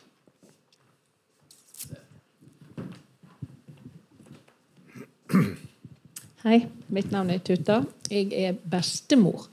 Det som bekymrer meg, det er bruk av mobiltelefoner. Småbarnsforeldre. Og nå er det jo noen som begynte å eh, gjø- si et varsko her. Og prøve å fortelle foreldre. Jordmødre har vært på banen. Andre, kanskje du òg. Hva kan vi si om dette? her? Det er veldig skremmende. Og når du ser den filmen som du viste nå, så får du jo helt Ja, du får Ja. i hjertet. Vi samler opp noen spørsmål. Så um, si noe om det. Hvordan skal vi få foreldre til å forstå at dette blir bærer galt av sted, altså? Jeg kunne tenke meg å samle opp Ja, kan jeg, to svare, svare, jeg må svare litt kort på mens jeg husker det. Jeg, har litt kort, eh, jeg er såpass gammel da, så jeg har litt uh, dårlig korttidshukommelse. Men eh, eh, jeg er enig med deg i at det er bekymringsfullt. Og særlig hvis du ser på utviklingen i, liksom, i USA. Antall timer barn eh, oppholder seg foran en eller annen skjerm og uten at de er i, i interaksjon med andre, og spesielt eh, med voksne, som kan regulere dem. Det, eh, så jeg er enig. Absolutt grunn til å rope et varsko omkring det. Og få da mobilbruk ned på et fornuftig nivå. Hvordan man skal gjøre det, det har ikke jeg noen oppskrift på. Men det er en viktig diskusjon. Gi støtte til bestemødre. Det er et godt første trinn. Ja, jeg heter Sol Rønn, og jeg jobber med, eh, i, i lærerutdanning. Og med, med lærer sin forståelse av følelser, elevene sine følelser og egne følelser.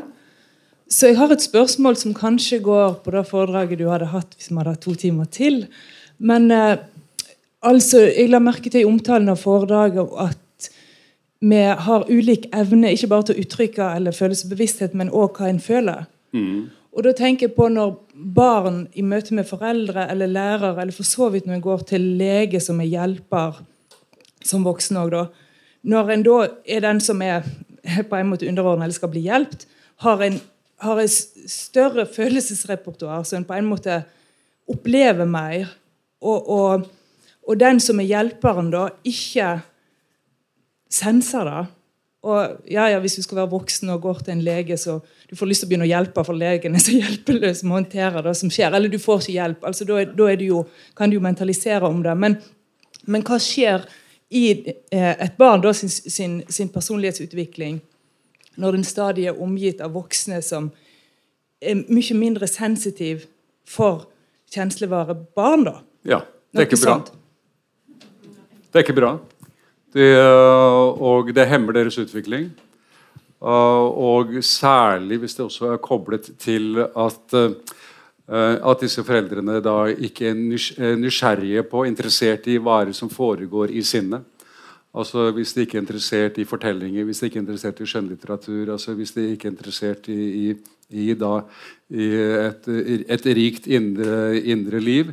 Så der har jo skolen en kjempeoppgave da, når det gjelder å kompensere for, eh, for det. det eh, så eh, Og i hvilken grad man da kan gjøre noe med foreldre. Altså På min avdeling på Ullevål som da, hvor, hvor vi behandlet da yngre mennesker med store personlighetsproblemer. Da, da har vi overfor dem De lærer da denne teorien. Altså vi, vi setter de på skolebenken uh, og sier at uh, sånn og sånn er det, og hvordan, hvordan befinner, hvor befinner du deg hen innenfor dette, innenfor dette spekteret? og som gjør at hva vi skal legge vekt på når det gjelder deg og din utvikling. Og Samtidig så har vi da et tilbud til, til pårørende. Og vi, lar, vi, så vi kjører samme læringsopplegget til pårørende for å gi dem en, sånn, en viss, eh, en viss eh, ja, utdannelse, læring eller og slik at de i hvert fall vet hva vi legger vekt på, og hva vi holder på med. Slik at de også da blir samarbeidspartnere, men forsøker å lære dem da betydningen av differensierte følelser. Ja. Og i legeutdanningen i Bergen nå så prøver vi å la studentene veldig tidlig komme i kontakt med pasienter som er alvorlig syke. Kjenne på det, se hvordan de andre reagerer på det, reflektere over det. Og pasienten er med oss i undervisningen, slik at vi kan brette dette litt ut. Og prøve å unngå den situasjonen du beskriver hos en lege som er hjelpeløs i forhold til vanlige følelser. Ja, for det, det var e- egentlig enda mer bare normalbefolkningen, om ikke det er sånne store vansker. Sant? Sånn i, I lærerutdanning for den del. Sant? Det er en akademisk tradisjon at en lærer det faglige, men en lærer ikke om eh, verken hvordan en sjøl er, eller hva en uttrykker. Så, så, sånn sett er jo spørsmålet om det er en lysning eller endring i bevissthet der òg. Eh, ja. Så, så um, så ikke det blir sånn skeivutvikling og du skal ha behandling, så er det med å prege altså personlighetsutviklingen. Ja, ja, ja, i, høyeste, i, i, høyeste grad. Så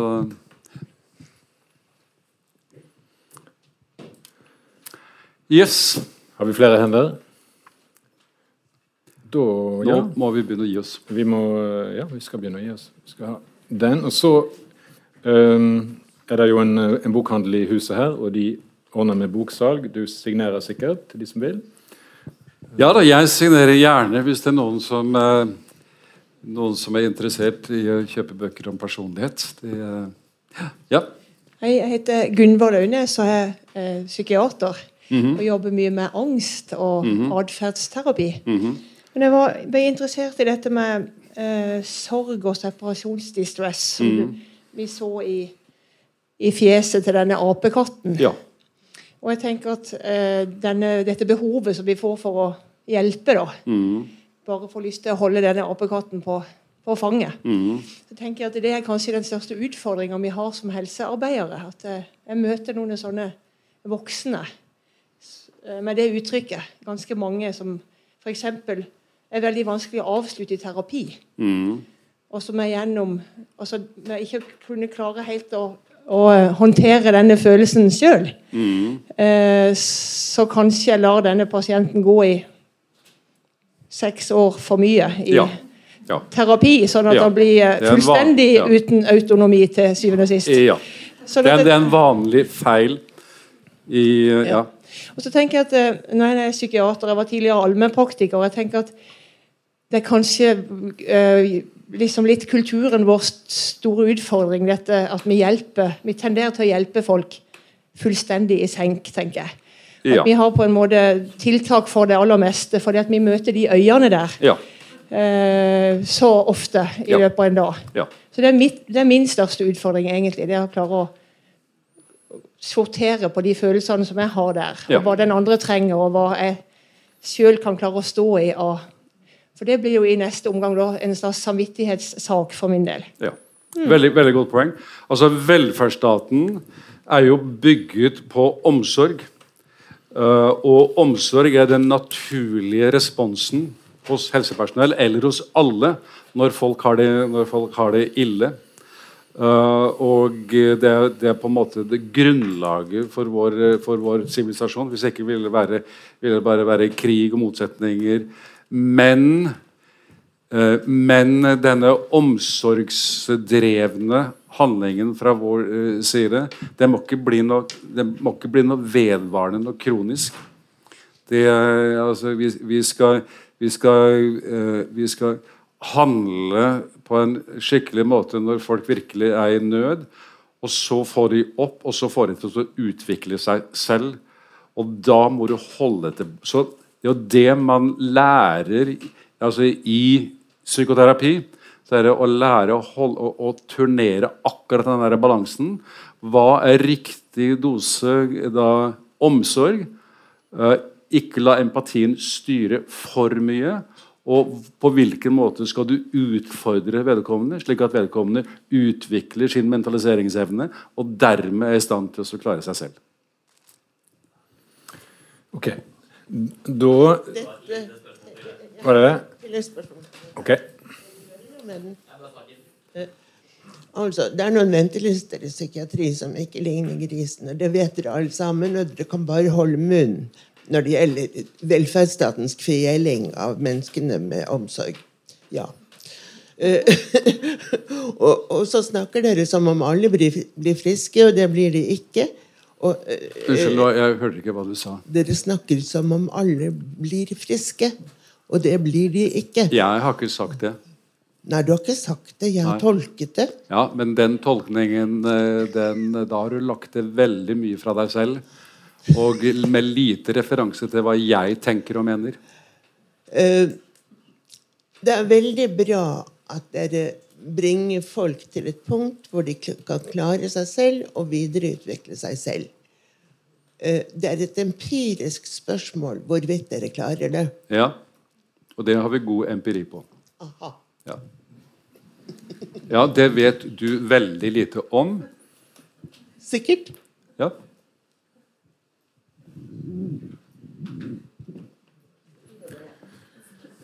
Vi eh, har nå fått uh, ca. halvparten av den dosen Sigmund Karterud som uh, unge leger i Oslo har fått, vil jeg, vil jeg tro. Sånn. De får tre timer, og vi har iallfall fått halvannen. Um, og det har vært en uh, veldig inspirerende opplevelse. Og etter at jeg har sagt litt om de kommende møtene, så skal folk få komme frem og kjøpe bøkene, men du må få en skikkelig applaus først.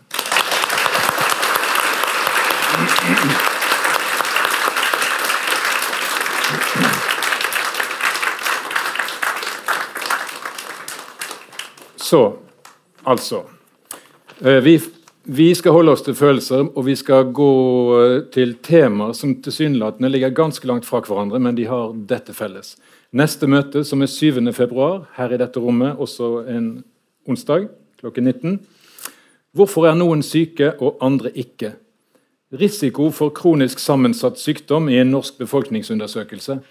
Det høres ganske kjedelig ut som overskrift, men det er en fascinerende studie hvor veldig veldig mange nordtrøndere har svart på spørreskjemaer, og noen av dem har sagt at de hadde en ganske dårlig barndom. Og så har forskerne sett hvordan ligger de an på alle mulige helsevariabler, eh, og de ligger dårlig an. Og der er forskning da, andre steder som kan kobles inn på dette, her, og som kan vise hvordan følelsesmessige mekanismer, som vi så på den filmen, tror jeg, en av, Eh, nedfeller seg i organismen vår og i organenes stille funksjon. Hun som kommer da, er fra Island og har tatt doktorgrad på dette temaet på NTNU. Og så 7. mars så eh, får vi besøk av ingen ringere enn Gunvor Launes, som nettopp eh, hadde ordet her, og som skal snakke om Æsj, så ekkelt. Er det ikke det? Skal du komme frem og si litt om det? Hun er da annonsert som en eh, kombi psykiater og standup-komiker. Så nå eh, forventer iallfall jeg at du sier noe morsomt. Ja, eh, jeg var veldig spent på å høre deg, og det var fantastisk. Jeg var veldig glad for at du sparte æsj-følelsen til meg. At ikke du brukte den opp. For jeg hørte ikke noe om disgust, ekkelhet, i dag. Du, har, du kan sikkert Jeg hoppa over den. Ja. Var det for min skyld, eller? Eh, jeg jeg, jeg syns jeg er kjempeheldig som fikk taletid her eh, om to eh, måneder til. Og jeg håper at det der kommer mange Jeg håper det kommer mange lærere og førskolelærere. Eh, og ellers en del som jobber med mye med barn. For jeg tenker at vi har et kjempestort eh, forebyggingspotensial når det kommer til dette med æsj. Hvis jeg, hvis jeg, skulle fått lov til å bestemme, så skulle det ikke vært lov til å si så mye æsj. Det sies altfor mye æsj etter mitt kjønn i dette landet. Når jeg tar av meg um, f.eks. tar av meg um, uh, genseren og så bøyer meg litt over bordet, og så har jeg litt grann hår under armene Jeg vet ikke om det er noen av dere andre som har det. Men da sier ungdommen min 'æsj, mamma'. Og det tenker jeg liksom OK. Um, men det er nå ikke så ekkelt, egentlig at barn eh, blir liksom skura og vaska når de kommer inn ifra, eh, inn ifra sandkassa, eller de, bare, de, har bare vært og tatt på et dørhåndtak før de kommer til bordet i barnehaven, eller de kommer til bordet hjemme i, i hjemmet sitt. Det er jeg veldig opptatt av, for jeg tror nemlig at vi har vi er liksom i ferd med å utvikle nærmest litt sånn kirurgiske, hygieniske tiltak rundt omkring som jeg tror er direkte skadelig. Jeg kan heller si at når det er håndvaskens dag, vet dere at den fins? 3. mai. Når en jobber med OCD, altså jobber med tvangslidelse, sånn som jeg gjør, så er ikke det noe god dag. Uh, disse tingene har jeg veldig lyst til å snakke med dere om. Uh, så jeg håper jeg ser noen av dere her uh, om to måneder. Mm. Jeg har studert med Gunvor, og hun er en luring. Hun klarte å lure en hel, et helt kull av medisinstudenter til å tro et lite øyeblikk at når en skal undersøke avføring, så er det viktig å ta den mellom fingrene og kjenne på konsistensen. og det er sant. og det, Jeg husker den følelsen for steike, men det har jeg aldri fått med meg. Eh, og Det var når hun serverte sjokoladekrem i et stålbekken fordi hun hadde bursdag. Og så var det kake bak gardinen. Ja. Så 7. Eh, mars er dere velkommen til å høre mer om dette.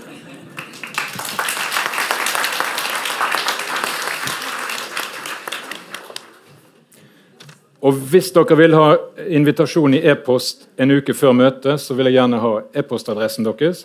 Eh, det skal være lett å finne min e-post på Universitetet i Bergen, Edvin Skei. Og da er det noen som vil selge bøker. Er det du? Ja.